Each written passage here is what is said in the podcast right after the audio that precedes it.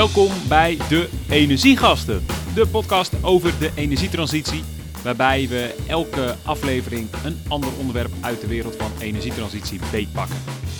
En het leuke is, wij hebben in alle afleveringen die online staan, hebben wij nog niet zo heel vaak over elektrisch vervoer gehad. Deze aflevering maken we een hoop goed, want we gaan vol de diepte in met wat mij betreft de meest inspirerende ondernemer in Nederland in EV, namelijk Lex Hoefsloot. Ken je hem niet? Bij deze heel kort, hij is CEO van Lightyear. Dat is een Nederlands autobedrijf. Dat is sowieso natuurlijk al bijzonder. Um, maar Lex is zelf ook nog niet eens 30 en leidt nu al dat bedrijf start-up, scale-up. Nou, in ieder geval meer dan 100 man zijn er ondertussen aan het werk om een elektrische auto te bouwen. Het prototype is af. Ze zijn nu vol bezig om het uh, in productie te krijgen. En dat is nogal een bijzonder verhaal, want ze doen het echt compleet anders dan de bestaande grote merken. Ook als bijvoorbeeld een Tesla. Echt een compleet andere aanpak. Wat is er anders aan en waarom is dat zo interessant? Dat hoor je zo meteen van, uh, van Lex zelf. En we gaan ook in op zijn eigen pad. Dus hoe is hij voor zijn dertigste al CEO van een echt best wel serieus groeiend bedrijf? Hoe heeft hij dat voor elkaar gekregen? Waarom doet hij dat? Um, ja, en, en je gaat horen dat een ervaring uit zijn studententijd daar echt heel veel mee te maken heeft. Het interview is Engelstalig. Uh, dat komt omdat het onderdeel is van de Climate College Tour serie. Dat is een interviewreeks die ik host voor de Student Hotel en Sungevity, waarbij we altijd in gesprek gaan met, met gasten op het gebied van klimaat, duurzaamheid, etc. En daar was Lex de gast. En nou, de overlap met deze podcast is groot. Dus uh, vandaar dat ik hem hier ook uh, in deel.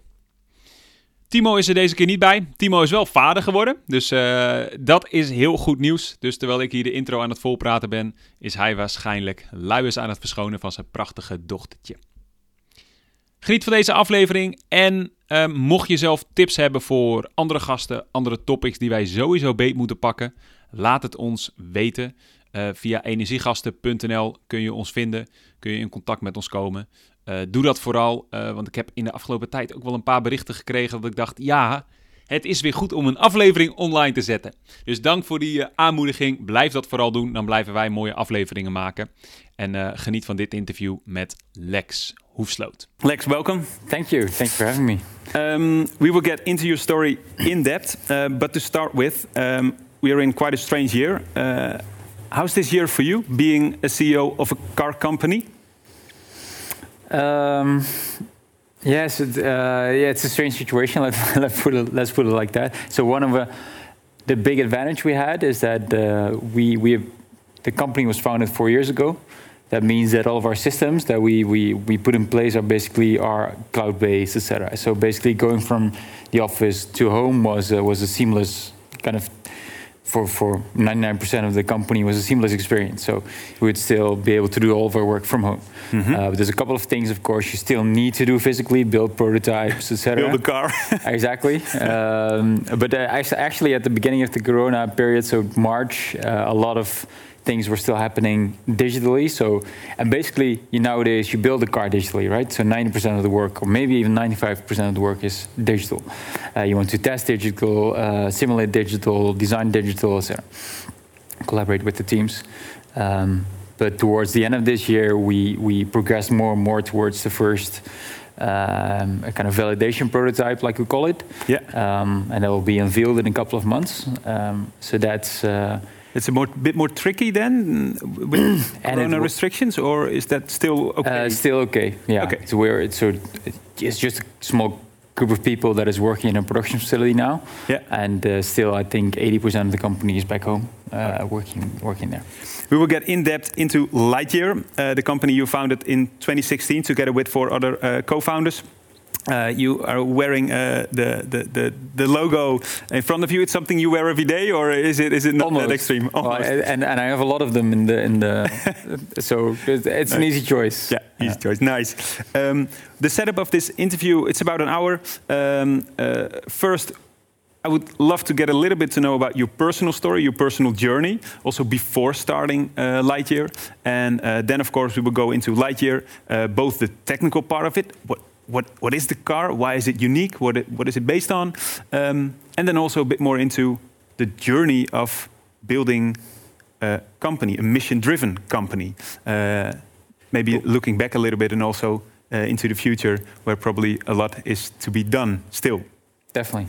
Um, to start with your personal story, uh, You've got quite a, an interesting place of birth in your passport, right? Can, can, you share a little bit about that? Yeah, it's quite a strange place. I get a lot of strange uh, looks at uh, when when I show my passport. But so, we I was born in, uh, Niger, so that's a, a, country above Nigeria, basically in Africa, and um, uh, the the capital where I was born is is uh, Niamey, so that's in my passport. Mm. Um, and uh, yeah, so how I, how, how I, was born there was that my parents worked for the UN. For the UN. Yeah. So could you say that you're ideals uh, starting a, a, company that you have right now has its roots in that period? Um, feel it like that?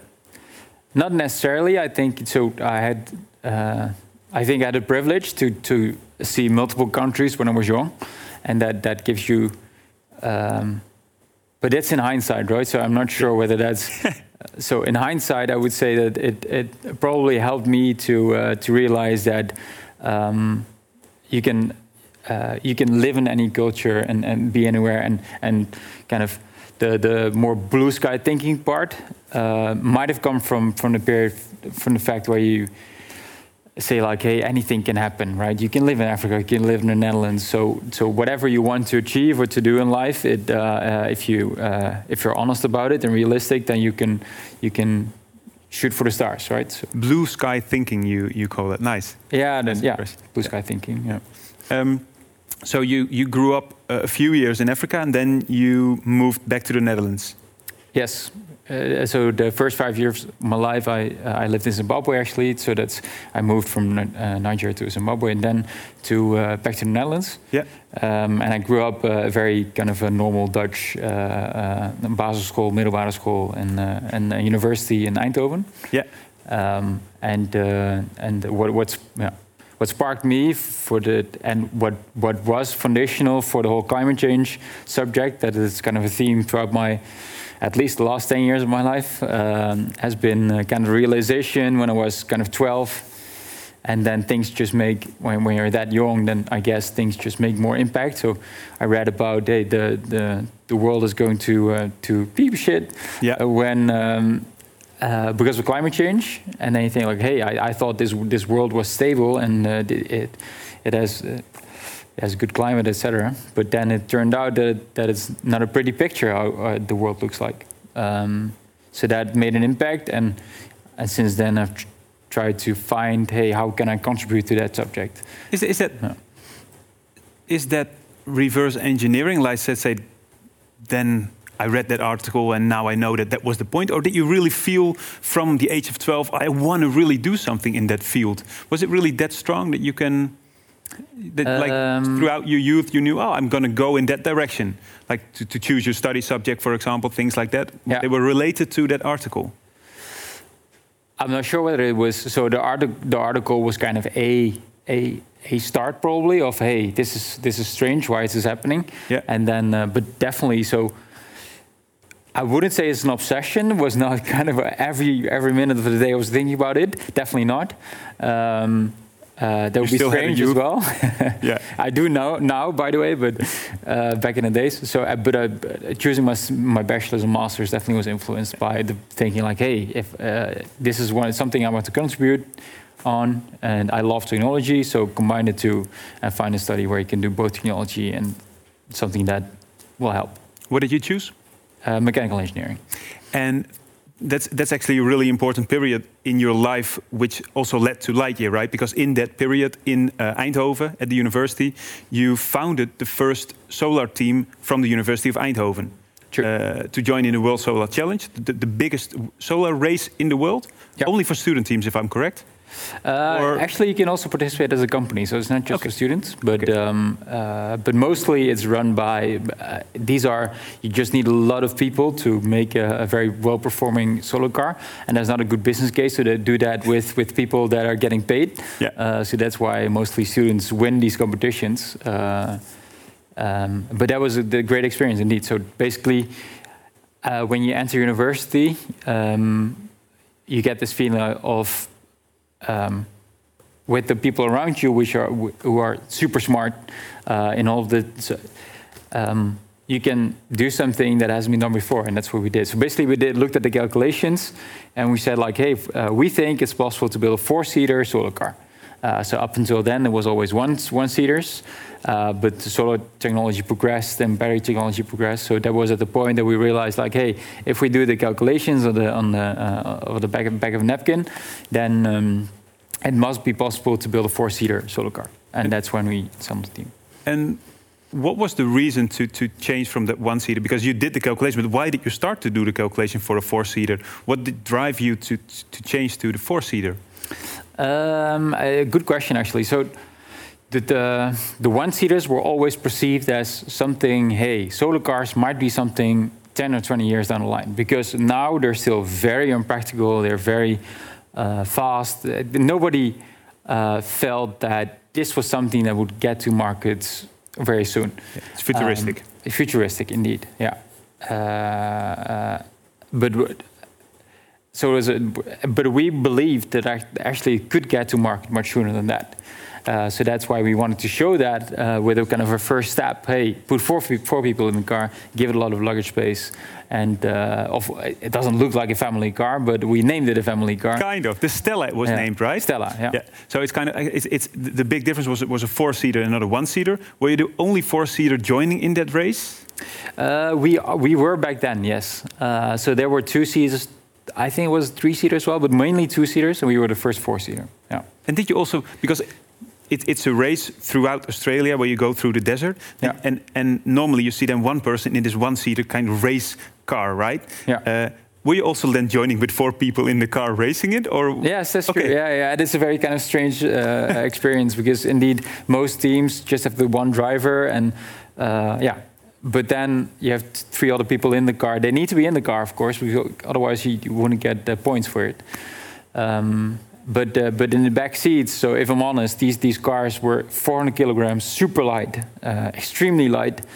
Um, uh, so the noise levels were unbearable, so they were quite high.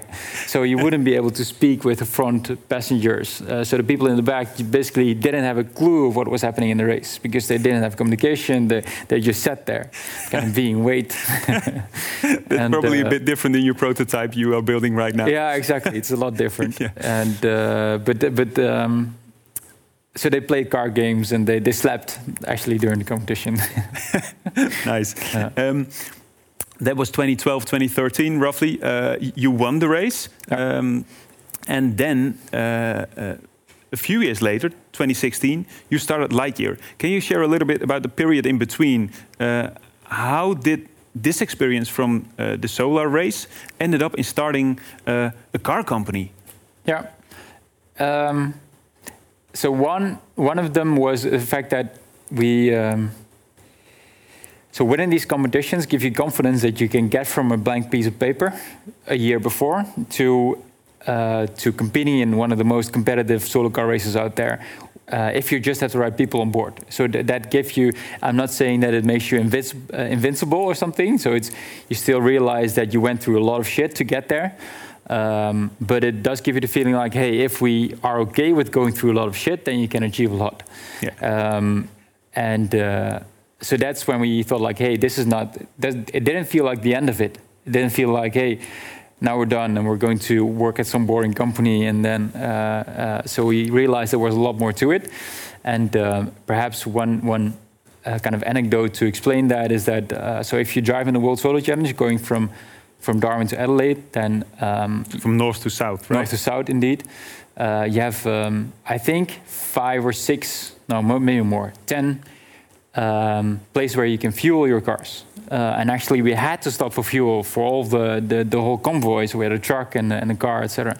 Uh, but you solar cars, petrol? You mean like for the petrol? Yeah, ah, okay, yeah, okay. petrol. Yeah, for all the, the campers and ah, yeah, so we, there's yeah. a whole convoy of, of, uh, of, and the whole team, of course. Um, uh, but the solar cars could keep keep going actually. So and the connotation that people have with electric cars nowadays is charging is a problem. Yeah. But for us, it wasn't charging as a problem; it was fueling as a problem. Uh, so, and we realized like, hey, it's a big convenience factor if you can if you can give this to customers as well, where they wouldn't have to charge for a month or something. uh, because they get most of the energy from the sun. So that was a trigger that we said, like, hey, it's not not just only it's not only sustainable, it's also convenient. And that seed was already planted in Australia. That Yes. you made the click. Hey, uh, there is an opportunity. There is a possibility that we will continue with this on another business uh, level, so to say. Yeah. Uh, but that having said, uh, having said that, uh, so the the it spent we spent two years looking at how exactly are we going to do this before we actually founded the company. So uh, there was a long time of hey, this is a bold bet we're going to make. We better make sure uh, we do it right. Yeah, it's, it's kind of yeah. and what you say, it's a bold bet. Uh, were there kind of moments or people you spoke to, or other things that happened that triggered? Oh, yes, we are going to do it. What were the, the key elements that you decided? Yes, we are going to proceed. We are going to start Lightyear. Um, we did a lot of research into whether this this particular so the, the, the solar car concept fitted into the the future basically. So um, there's a lot of trends, and, and I believe you cannot really make trends so that they appear. Um, so if we would uh, go against trends, then it would be a huge problem. Then it wouldn't be a success. Uh, so a lot of the conversations we've had uh, before founding the company is with, hey, what is going to happen with autonomous driving? What is going to be happening with batteries? With, uh, and those were very insightful for me to, to kind of, and also for the rest of the team to fit it into into the future. And then we realized that actually the concept has a lot of advantages um, within, especially that future context. So um, so that's those were crucial. We, we talked a little. So basically, I send emails all day, uh, telling, uh, asking people whether they would have want to have a coffee with us Yeah. to just talk because that that was important to get information. Yeah. And all the information led to the founding of Lightyear. Yeah. Uh, in a nutshell, for, for people who are uh, watching now who have never heard of Lightyear, Yeah. what is it? Uh, so it's a long-range solar car. So basically, with long range, we mean you can, without sun, so even at night, you can drive uh, 725 kilometers WLTP range. So realistically, um, on highways, etc., it would be 600, so 600 kilometers. That's just a battery. Um, then on top of that, you, uh, because of the solar panel on the roof of the car, it ba- basically trickle charges your car all day. Uh, Triple charges. yeah, tri- trickle charges. Trick- yeah. yeah. So that's a, that's how we call it, uh, and that means that uh, even in the Netherlands, you would get two two thirds of all of your energy from the sun. Um, if you do average daily driving like an, a normal uh, Dutch person, What does that mean in kilometers a day? If, if uh, so that's about um, 20 kilometers a day, I guess, 20 25. so, you, Um, so, so what you're saying is uh, Yeah. you can drive 600 kilometers with the battery pack that's in the car, exactly. and on top of that, you can drive, let's say, 20, 25 kilometers per day because of the sunlight hitting Yeah. the roof uh, and the motor how- cup. Uh, yeah, exactly.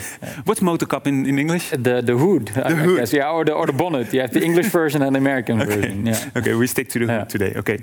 Um, so, and you say a solar car um, because if you if you for the first time see the Lightyear and now people are used Tesla is let's say the most stated electric vehicle uh, in the world nowadays.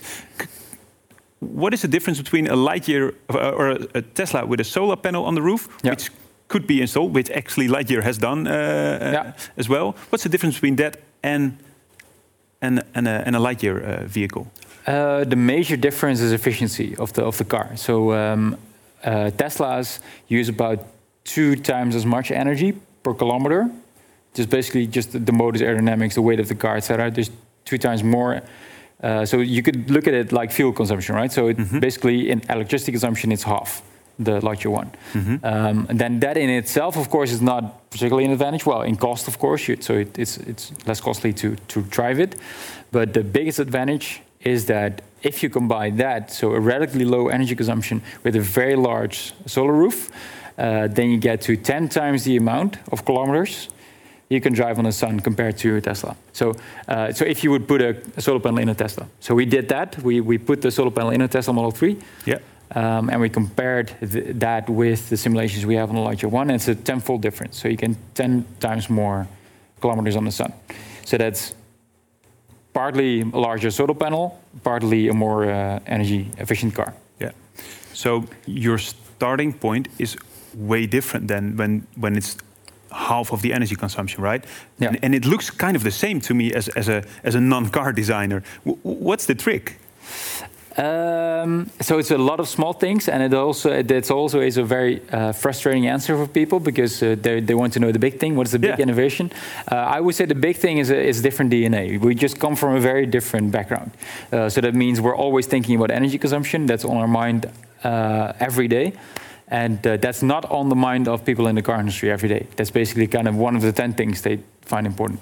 Yeah. Um, and the reason why we go all in on energy consumption is that we see it as the, the, the way to improve all customer concerns. So the people are not buying electric cars, A, because of uh, uh, cost, people say it's too expensive, B, too much range, and C, um, uh, or not enough range, no charging possibilities. And we can solve all three of those by just radically going for energy consumption. Yeah. Um, and then if you would ask about the trick, so the, the, the biggest trick is the, is, the, is the mindset of every percentage counts. Um, and then how we realize that is just the kind of, uh, so looking at underbody aerodynamics, using more efficient motors, uh, uh, improving the thermal system of the car, uh, positioning the people in the car that we can make the car more aerodynamic. Um, it's a lot of, a lot of small things. And that's probably your background from the solar uh, challenge. It's probably the, the root of that, right? That you approach it on that way. Exactly. Yeah. So a lot of our uh, um, our, our brains are wired to Yeah. uh, to yeah because that was the Golden World Solar Challenge as well. Yeah. And and uh, we, we will move to let's say the business side of things uh, a bit later. But if we still focus on the technological side, um, could you say how, how far in this development you started in 2016? You already built a solar car to race then. Can you tell a little bit about the technological journey and where you are at right now? Yeah. Um, so back in 2016, it was uh, was very open, so we could still. Yeah, we, we didn't have a clue what we exactly were going to do. In, in all honesty, in in the sense that um, we we also looked at solar panels at sea or, or, or boats with batteries or so a lot of stuff. Uh, then in 2017, we uh, we with our first bit of money, we we built or we asked a design company to uh, to build a design around our basically concept and technology.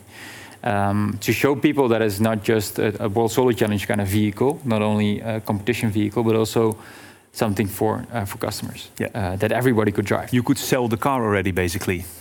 Yeah, exactly. And uh, and that's uh, so we um, we made the announcement, and that was uh, yeah that was difficult because it yeah we made the announcement hey we're going to build this car it's going to cost uh, cost uh, 150,000 euros approximately. Um, and uh, uh, you can buy it, you can pre-order it. Uh, but we basically we were still very early, right? So we were six people, seven people. Um, but we realized that we, we needed that media attention, traction, uh, investment, etc., to actually get to the next next goals. And and and if you, let's say, um, at some point the car will be 100% ready, totally designed, tested, and everything. And at that stage, can you can you give an indication of the percentage of how finished the car was back then in 2017 when you started to sell it? Um, I think our thinking in whether it was feasible was was very uh, far uh, far along. So uh, we we were not doubtful that it was not possible, but in terms of actually delivering it, I think we were at a, a half percent or maybe even less, zero point one percent. And how many people bought the car back then? Uh, so we had quite some people uh, at 10 uh, putting in the and i think that we were we have always been open in where we are right? So these people visit our offices they, they saw it's just a small team young team. Um, but it's uh, always of course conveying like hey this is tesla started with five people as well um, and it's huge now. So it's you shouldn't judge a company by where it is. You should judge a company by what is it saying now what is it going to deliver etc Yeah. Um, it's interesting that you, you, you relate to, to Tesla. It, there's a lot of, of, of linkages and also differences, right? Because what, you say basically is also that Tesla is seen as the modern car company who does it totally different. But if I hear you correctly, Tesla could also be stated as kind of an old fashioned car company when you take the perspective of Lightyear. How do you see it? Um, I think they take a very different approach.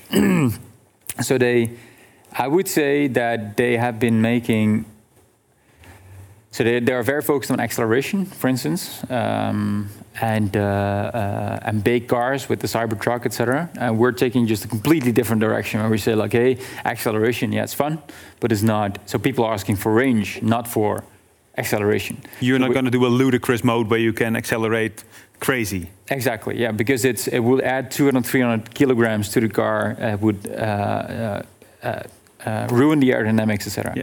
So, uh, and actually, what we think is matters is that people will get from A to B quickest and not at the traffic light quickest. Yeah. Um, so that's why. So it's different choices, and then on top of that, I think we are ahead. So within that category, where we say like a range is important, we are definitely ahead in. Uh, um, and how we think we, yeah, you achieve that. Um, but of course, we have Tesla's building cars for the market. That's a completely different ballgame um, in, in high volume. So we still need to get there. So I, I, I see it as a second wave of electric cars. So this is the first wave. Uh, the second wave is going to be kind of all the customer concerns that people now are still having of cost, etc. They will be gone in the second wave. And, And- we are part of the second wave. And if you look then at the second wave, because um, you tell me that there is uh, two aspects. There is the aspect of, of the, the, the aerodynamics, uh, that is half of the Tesla uh, electricity consumption, and you've got the solar roof integrated in it. Um, do you imagine then a second wave of electric vehicles with both in it, or because in some way you can also say, yeah, it's more like a something like a gimmick, the Yeah. solar roof. What do you see in a second wave of other models from other companies as well? Yeah, you're probably going to see both, um, I guess. So people are very often, so perhaps to talk about the, the solar part, whether it being a gimmick or not, uh, people always ask me like, hey, why don't you put those solar panels on a house? Yeah. And then basically the, the- probably it's best to just ask a question back and say like, hey, why do you have solar panels on your house? Because you can also just get green electricity from the grid.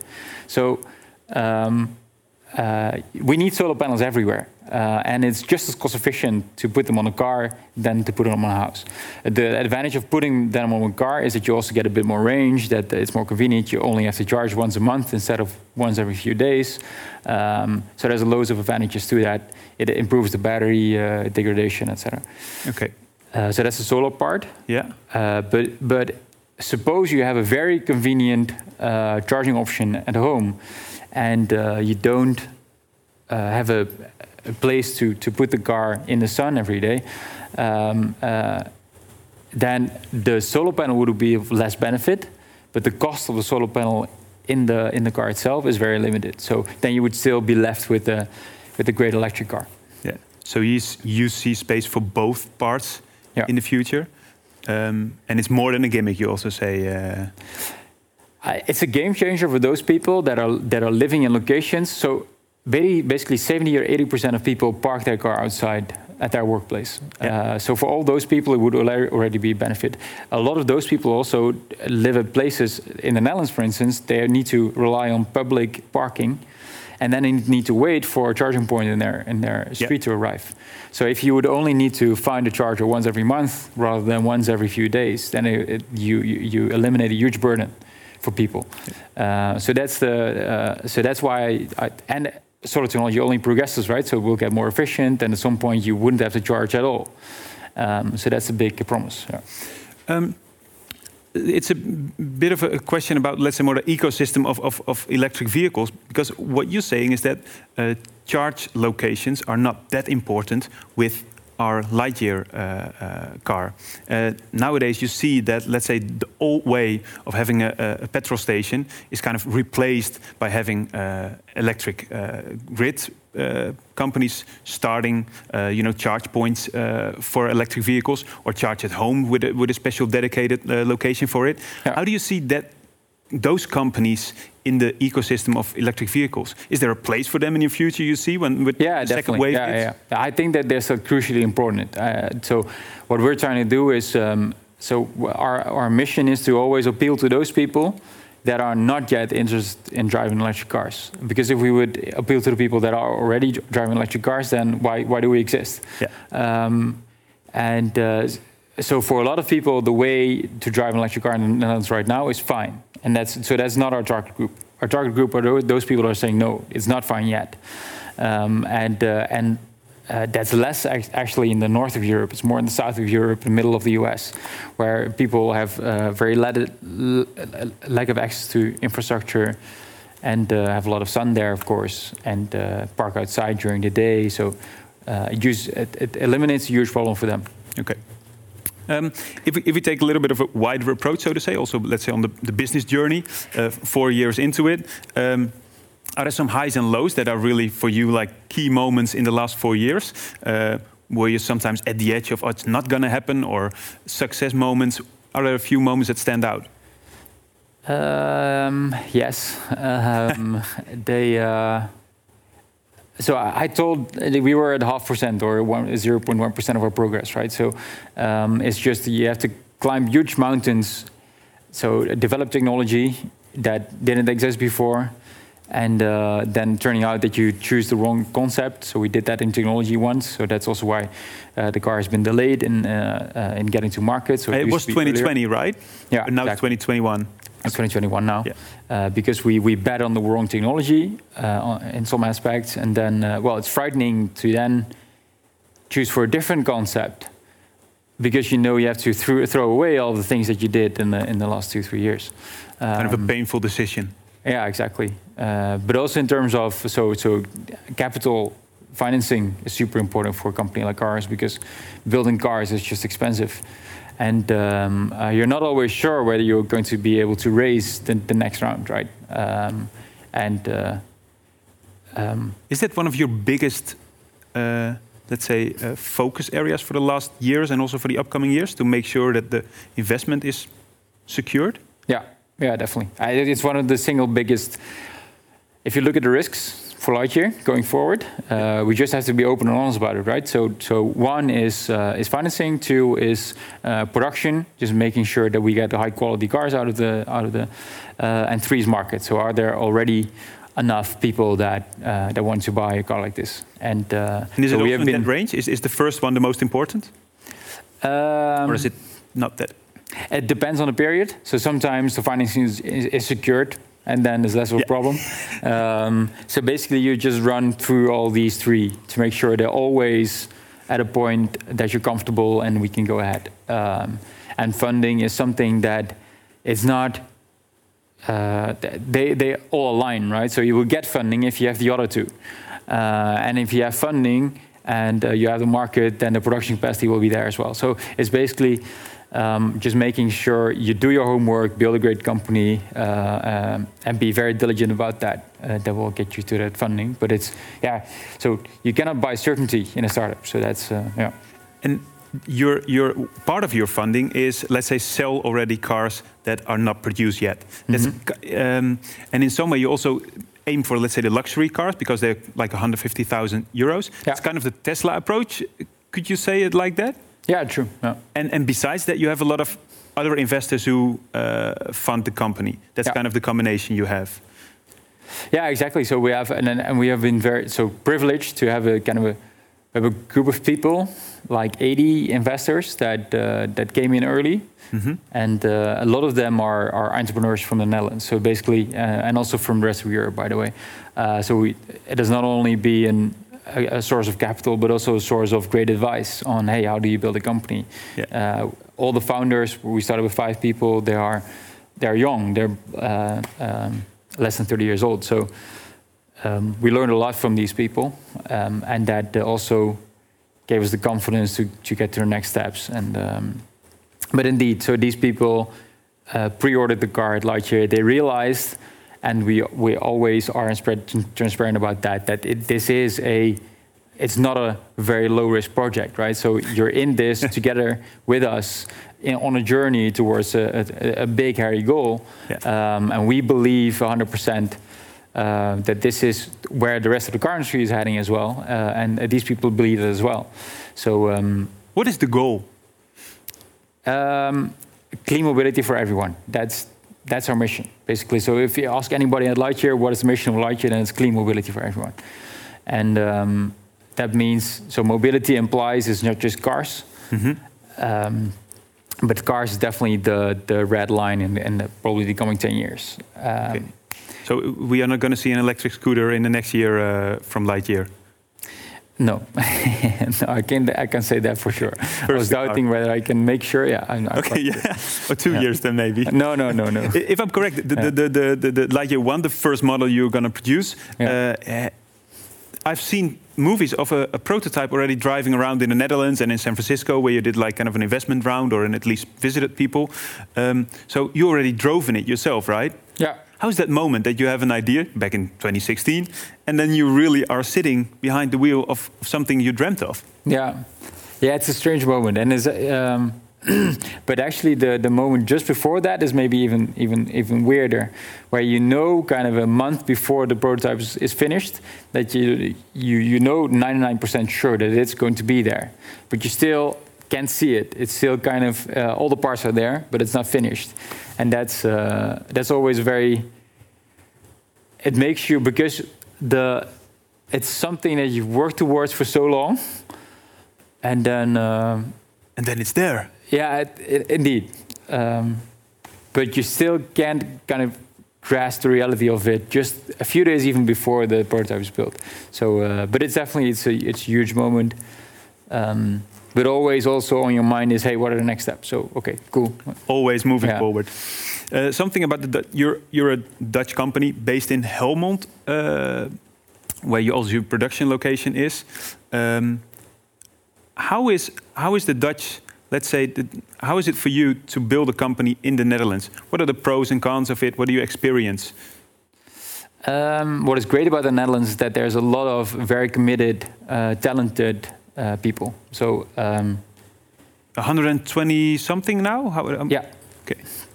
and um, uh, and also our culture really, I think the Dutch, the Dutch culture helps. Uh, it doesn't always help, but uh, but it definitely uh, uh, it helps more than it doesn't. um, and that's the fact that we as we as Dutch people are are um, we're used to being upfront with each other, honest, etc. And so, especially if you do something new, then you need to look at all the different aspects of, of something, and then it's helpful to just get everyone in the room and come up with the solution together. So to not have one kind of leader that says like we're going left or right.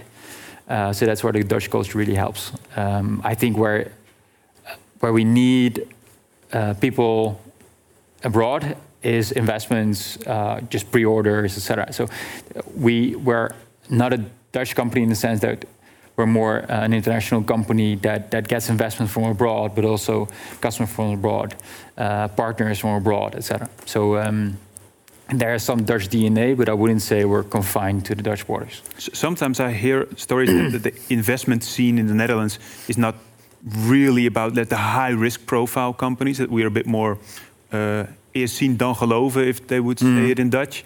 Um, do you experience that? Is a lot of investment coming also from overseas, or Uh, there is. I think there's more appetite abroad for for for big uh, projects as, as these, um, and the reason why is that it, it's actually quite logical, right? So in the Netherlands, just the the the the the kind of bets we can make in the Netherlands are relatively small because we we um, there's not a, as much capital as there is in the U.S. or as there is in Germany or as there is. So uh, you need um, you need investment from abroad if you if, if you have an ambition like this. Yeah. That's just, Yeah. So I, I don't. I think the Dutch ecosystem is improving a lot in the last few years, um, and there's uh, indeed there is a problem in kind of scale-up funding in the Netherlands, uh, but there, I think we're getting there. Yeah. Okay. And, and your upside is that you're not focused on the Netherlands. You're you're Exactly, well. yeah. Yeah, there's an interesting question coming uh, in um, about competitors uh, in your market. Is it you mentioned the blue sky uh, before, blue ocean strategy? Is it, are you the only company building a solar car like this? Do you see competitors? How is that Yeah, developing? it amazes me, but the, the, the fact that we, we have very little competitors actually still amazes me. Um, so we, we have been very upfront of what we're doing for three years now. Yeah, you're selling it already for three years. Yeah, exactly. so um, I think for a lot of car companies, they don't uh, grasp the significance of it. So the the uh, and they don't see it happening because they see like, hey, I have a heavy car with bad aerodynamics now. How how on earth am, am I going to get there uh, by still having the same comfort, the same um, so it's kind of a how do you say that in so a fair on your bed show. So Mm. it's in, in uh, It's yeah. too different for them. too different. Yeah. But are there competitors or none at all? Because there is a, So a there, there's a German German uh, startup. Yeah. Um. Sono, Sono. Uh, Sono Motors, yeah, and uh, very cool uh, company. They they they build cars for a different market, right? So a very low cost um, electric cars. Mhm. Um, I think uh, so. What is different about them and us is that so they go to volumes very quickly, uh, high volume uh, manufacturing, Yeah. where we focus first technology then high volume. Uh, so first develop the technology to get something very different from the rest of the market, and then go to. Uh, um, um, and that's basically the two we know of. Then there are a lot of also big car manufacturers that announced that they're going to implement solar cells in their uh, in their roofs. So Tesla did that as well uh, on the Cybertruck. Um, Hyundai did, and a few others. Yeah. and but they're still not comparable to what you're doing because of the aerodynamics part. Uh, is that then the big difference? Yeah, so b- the energy consumption part. So And yeah. just uh, exactly. So basically, you can look at it as we have a 60 kilowatt hour battery. That's uh, um, and from that we get 700 kilometers range, where a lot of other cars are getting from that battery are getting three or 400 kilometers range. So that's a big difference. Yeah. Okay. Um, and a, a big a big part of your journey is probably to get people aboard, right? Um, because you're with five uh, co-founders. You started with the five uh, of you, um, and then you develop into a company of 125 people. Yeah. How, how's that journey? How, how do you find to get the talent aboard? Uh, how, how's that working for you? Um, it has been a journey to to to to see what what. Um, so we. Uh, it has been a journey to learn what kind of people you need to actually get to your goals, right? So we, we knew we knew a lot about the technology and the concept, but we were we were very kind of inexperienced and naive about hey, how to get to the the getting cars on the road, just execution, uh, and what people do you need to actually get there. And um, What did you learn on that topic then? What is something you did four years ago and you would not do now again?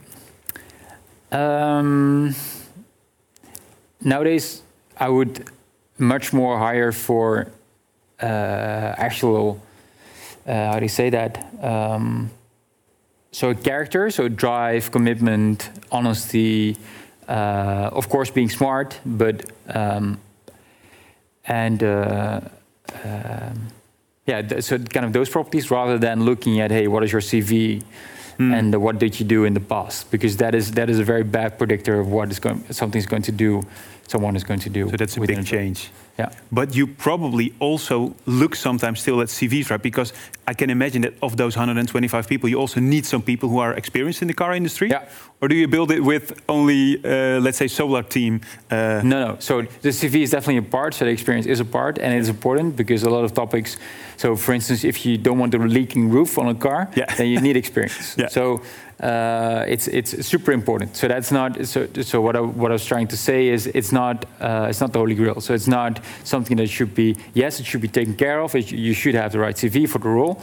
Um, uh, but what makes a difference? What makes you kind of a, a larger employee is is the fact that you have the drive, the commitment, and the honesty, and exactly. Yeah. Um, yeah. it could be a chance that if you're watching right now, that you might be doubting to change jobs. Is there any vacancy at the moment? We have a lot. So Oh, a lot, we, we have, I think about 40 to 50 on the website. So, oh, really? uh, yeah. For T or 14? 40. Yeah. For T. yeah. So can you then share a little bit the journey ahead then maybe? What, what's going to happen in, in the next year or what's your horizon? Can you share Yeah. a little bit about that? Yeah, of course. So basically, it's, uh, the whole company is focused now on getting the cars to market. So end of 2021, we're going to deliver the first cars. Um, so a lot of focus is around that. Then simultaneously, parallel to that, is working on the next generation products. So it's doing the first concepts and looking at next phase of the technology, etc., to to bring that to market. Uh, but basically, 90% of our focus is on just getting the cars to market. And um, that's about less than 1,000. What's the exact number of cars you're going to produce for the first model? 946. What's, uh, what's, what's the deal with, with that exact amount? Yeah, it's uh, so it's it's a so one light year is actually 9.46 trillion kilometers. Ah, okay. Uh, so that that's why it's 946. Yeah, it's it's a small joke, but and they're all sold out already? Um, we we have 110 pre-orders now. Um, we have been very focused on the Netherlands until now, so and focused on technology, not on sales. And uh, so uh, we're going to transition in the coming year to also broaden to the rest of Europe. Yeah. Um, and basically, nobody of those 110 ever did a test drive, right? So, um, uh, so once we get to that period, uh, we'll be much more uh, concrete and visible for people what we're building. And then you're also referring already that a, a lot of uh, work is already done on the next generation, Yeah. uh, the Lightyear 2, or is there another uh, name to it? We don't have a name yet. Oh, no, no name yet. Okay. Um, is that? Can you share a little bit? Is, will that be uh, more affordable or a different car, or what's the idea? Um, yeah, affordable. That's the mass market. So basically, we just want to. Um, our mission is to to get clean mobility for everyone. So it's a huge step towards everyone. Basically, if you if we would make it very simple, the Lightyear One, the first uh, car, is uh, clean mobility everywhere. So with the Lightyear One, we can prove that you don't need charging. You can drive anywhere. You have four-wheel drive. So so this car can be driven anywhere in the world. The next step is to not only do it everywhere, but also for everyone. So make a mass market car that uh, that a lot of people can afford. Okay. Um, some of your technology is uh, patented, patented, right? Yeah. Um, uh, and that's a, it's an important element because you're developing a new car and you have this long horizon. Uh, but at the same time, I also read somewhere that you're open to partnerships and to to to let's say. Uh, uh, uh, let other companies tap into the experience of Lightyear. Um, and I also see that at Tesla, they also quite often open source what they develop, right? How is Yeah. your philosophy on that? What, what do you, let's say, um, protect and what are you open in? Yeah. Uh, so what we want to do is By the way, there's a question coming in from uh, from uh, from one of the Yeah. viewers, so thanks for uh, for the question. Cool. Um, our thinking around that is that whenever, so all of our technology, it would be it would be best if we could not only implement it onto our own cars, but also other cars, so other manufacturers, because that would get us to clean mobility for everyone quicker, right? Yeah, that's your mission. Yeah, it's not exactly. to sell the cars yourself, but to get the mission done, right? Yeah, Yeah. exactly. So uh, we just believe that the, the concept that we, we, are, we are working on was really is going to accelerate the transi- transition to electric cars by five to ten years. So that's the reason why we really believe in doing the full car. Um, but if there's other manufacturers that are thinking about building the same concept, uh, we believe we are ahead uh, uh, by, by, by number of years and within this technology. So uh, we're quite confident that we can share it with other manufacturers and still be in the lead. Uh, so that's why we're okay with uh, collaborating with other manufacturers on this. And what is sharing then? Is that let's say we just put the data and everything open, or is it let's say a lease something? Is there a, do you, A licensing model so they can they can license our technology, build it into their own cars, um, um, uh, but also collaborating in manufacturing and whatever whatever collaboration would make sense for them uh, and for us, of course. Yeah, there's there's it's a two way street. and is there momentum already on that side? Is there let's say do you So we have one one part of our technology that's most mature, and that's the the, the solar panel. yeah Um, so we developed it in-house for the last four years, and now it's at the point that we did a lot of heat testing and, and, and vibration testing, all the kind kind of things. So it's ready now also to be implemented in other vehicles. Um, we, uh, when there are companies that are interested in implementing that, then we're very open for that conversation. So that's basically, and we had a few uh, companies interested in that reaching out to us. So we're investigating that now. Cool. Uh, I see another uh, question coming in. It's quite a long question, so let me take a look at it. Uh, from Wieger, uh, thanks for the question. Tesla is famous for delivering really safe cars, as in their cars receive really high crash test scores. You say Lightyear has a radical focus on improving energy efficiency. Good thing, but I wonder if you don't give in a little on the safety aspects. Um, or do you believe they go hand in hand? There's kind of a trade off, so to say, right? Yeah. People move a lot to SUVs nowadays. Oh, that's a safe car. Uh, Yeah. It's not a trade-off. So, just to put it clear, right? So, for us, uh, uh, safety is not a compro- it cannot be compromised. So, basically, if you get to market with a car, it has to be safe. Uh, there's there, there- there's no going around that.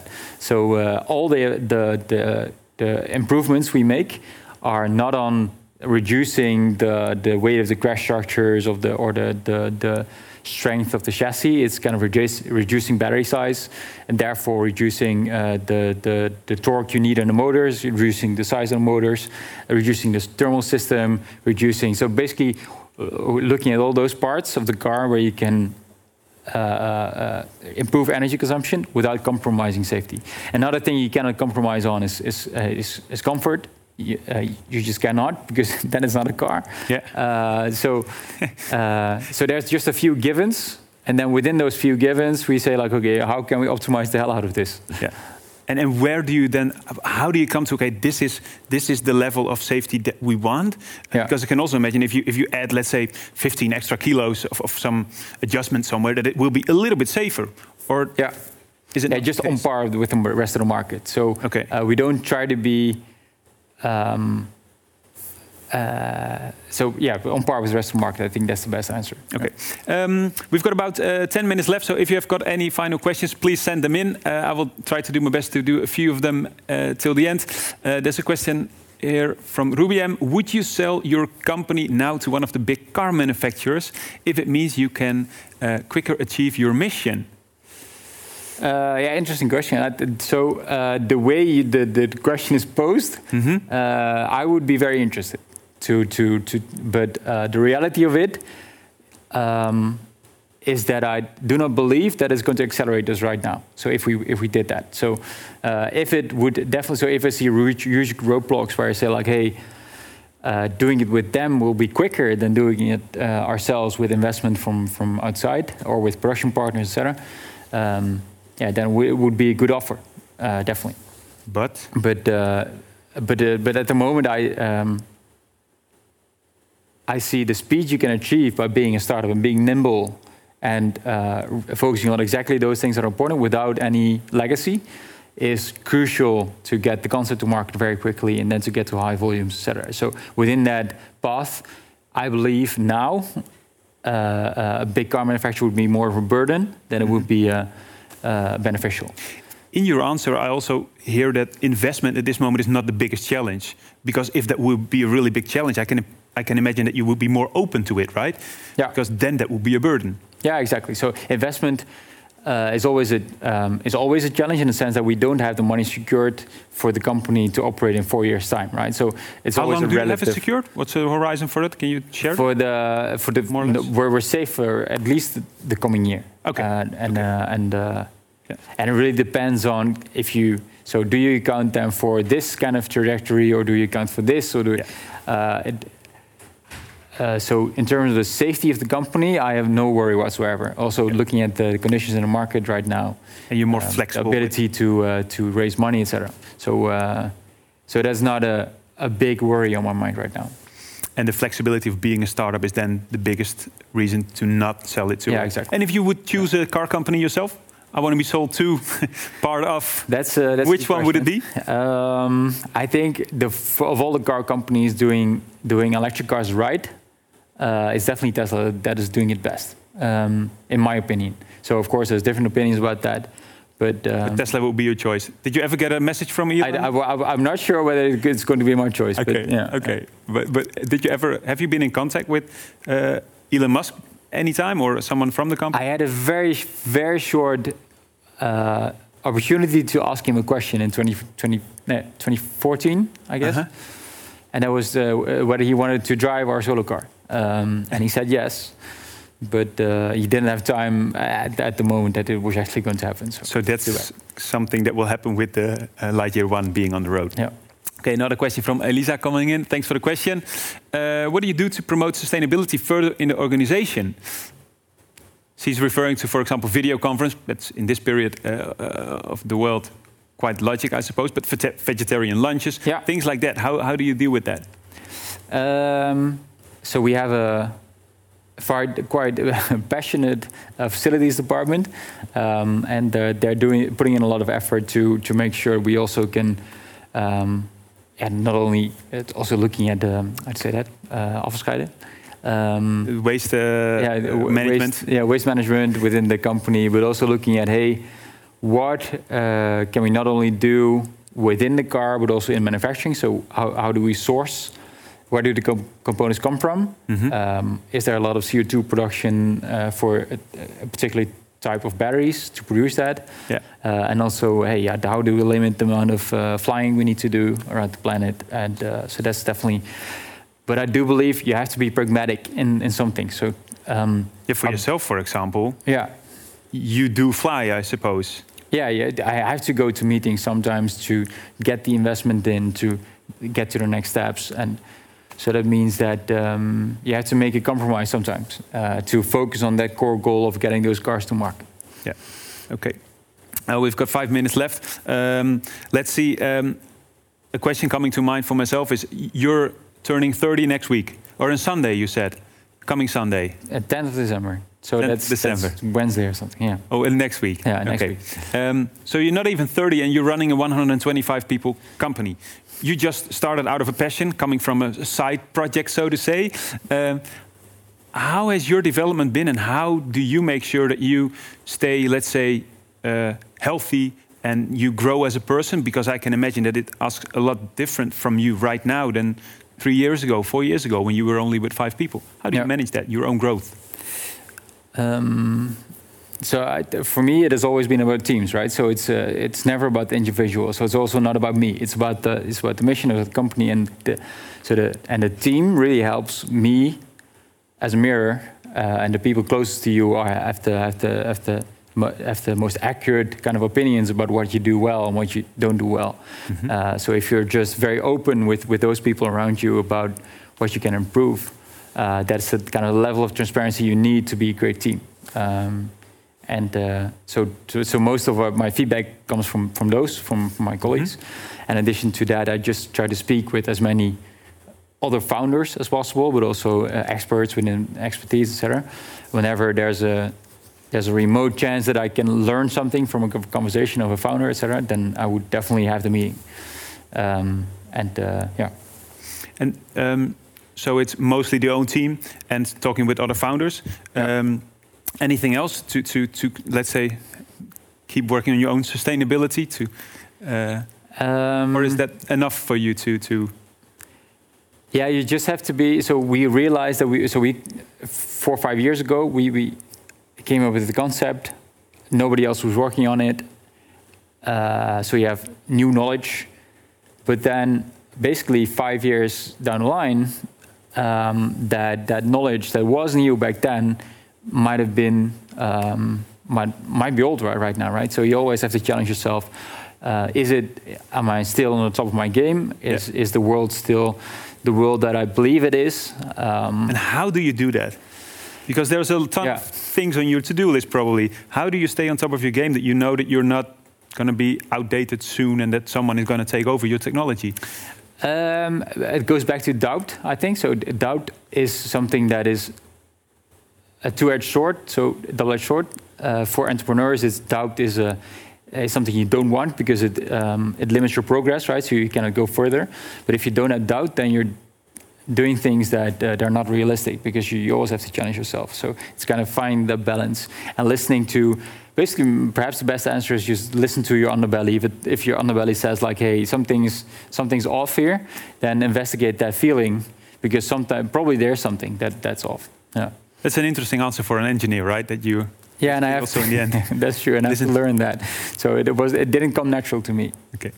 Um, I saw a question. We've got uh, a few minutes left uh, from Loudens. Thanks for the question. Is it possible to keep production in the Netherlands when you produce a mass production car? Uh, it is possible. Uh, the question is, is it uh, the best solution? Um, so uh, Is it? Uh, we're not sure yet. So we're, we're talking with four different contract manufacturers that can do the production. Um, we're quite advanced in those talks, and we're going to choose one uh, within kind of six months. Um, There is a possibility that that will be in the Netherlands, or I, I cannot say anything about that, unfortunately. But it's, uh, um, but there is so they do manufacturing in the Netherlands, right? So yeah. in- so there is a in- in- possibility, I would say. But if there's capacity, if Yeah. there's etc. So there's so there's a lot of so basically choosing a contract manufacturer is a very hard exercise because it's something you're going some it's a company you're going to marry, right? So you're going to be in this together. Yeah. Uh, so there's a lot of different aspects that go into that. and is it and some yeah production in China cheaper, or is it not as simple as that? Uh, uh, could be, but it's also more expensive in some ways, uh, and it's, it's so communication is harder. So there, there's advantages and disadvantages. Yeah. Yeah. Sorry for the boring answer. That's all good. Um, it's six o'clock. Uh, we're gonna uh, close off this climate college tour. Um, if you're listening, let's have a final last words from your side. Um, if you're now in the position that you might be already, uh, uh, let's say, uh, contemplating a move into a car industry, a sustainable car industry, or you uh, want to do something about climate, and you're, let's say, um, three years younger than you right now, or you're a bit older but you want to change, right? What would, you, what would be your advice? How to get into something exciting like what you're doing, not necessarily as an entrepreneur, but maybe just in a company where you can work for if that what suits what you want to do. What would your advice be if you want to change into that scene of sustainability, sustainable energy, um, Yeah. light year kind of ecosystem? Uh, there's a lot of things I can say about that, but perhaps uh, what has been very important for us is to to look at hey, what, where where is your expertise? So we build up some expertise in in, in, in solar cars. Assess whether uh, that's something that could be much bigger than what it is right now, what you're doing. So, looking at your, I, I don't very much believe in kind of uh, looking, hey, I want to fix climate change, and then I'm going to look at all the solutions, and then I'm going to come up with a new solution. So that is possible, but uh, it's very hard to do because everything has been thought of already, right? So, but the chances are that if you're working on something now related to climate change or not, uh, it might very well be. Um, uh, or you see problems that you can solve, etc. If you if you just see anything, uh, an opportunity, take it, and that that might be just the first step. And if you then see along that way another opportunity, take that as well. So it's basically my father once told me. Um, there's there's just a few trains that pass by in your life, and you just have to hop on to one of them. Um, and uh, uh, you cannot calculate where you are five years from now. So just take the initial first step, uh, and and don't be afraid to sometimes commit to it, right? So we had to commit in 2017 to actually start selling cars. Yeah. Um, and then you make a promise that you're actually going to deliver that. Then you're on the train. Yeah, exactly. Uh, But that's scary. Um, and that shouldn't hold you back because at some point you have to commit because you won't get everywhere anywhere if you don't commit. Take a leap of faith, Yeah, exactly. jump on a train. It's nice, also electric. It's uh, Yeah, exactly. nice. Yeah, I, I, am I here with train? Yeah. Lex Hoefsloot, founder of Lightyear. Thanks a lot for joining. Dat was hem, deze aflevering van de Energiegasten. Dankjewel voor het luisteren. Wil je op de hoogte blijven van nieuwe afleveringen? Abonneer je dan op deze podcast. Dat kan je in je podcast-app doen. En je kan natuurlijk ook altijd deze podcast delen met vrienden, collega's, andere bekenden die dit tof vinden en die bijvoorbeeld ook het verhaal van Lex echt moeten horen. Dankjewel voor het luisteren en tot de volgende.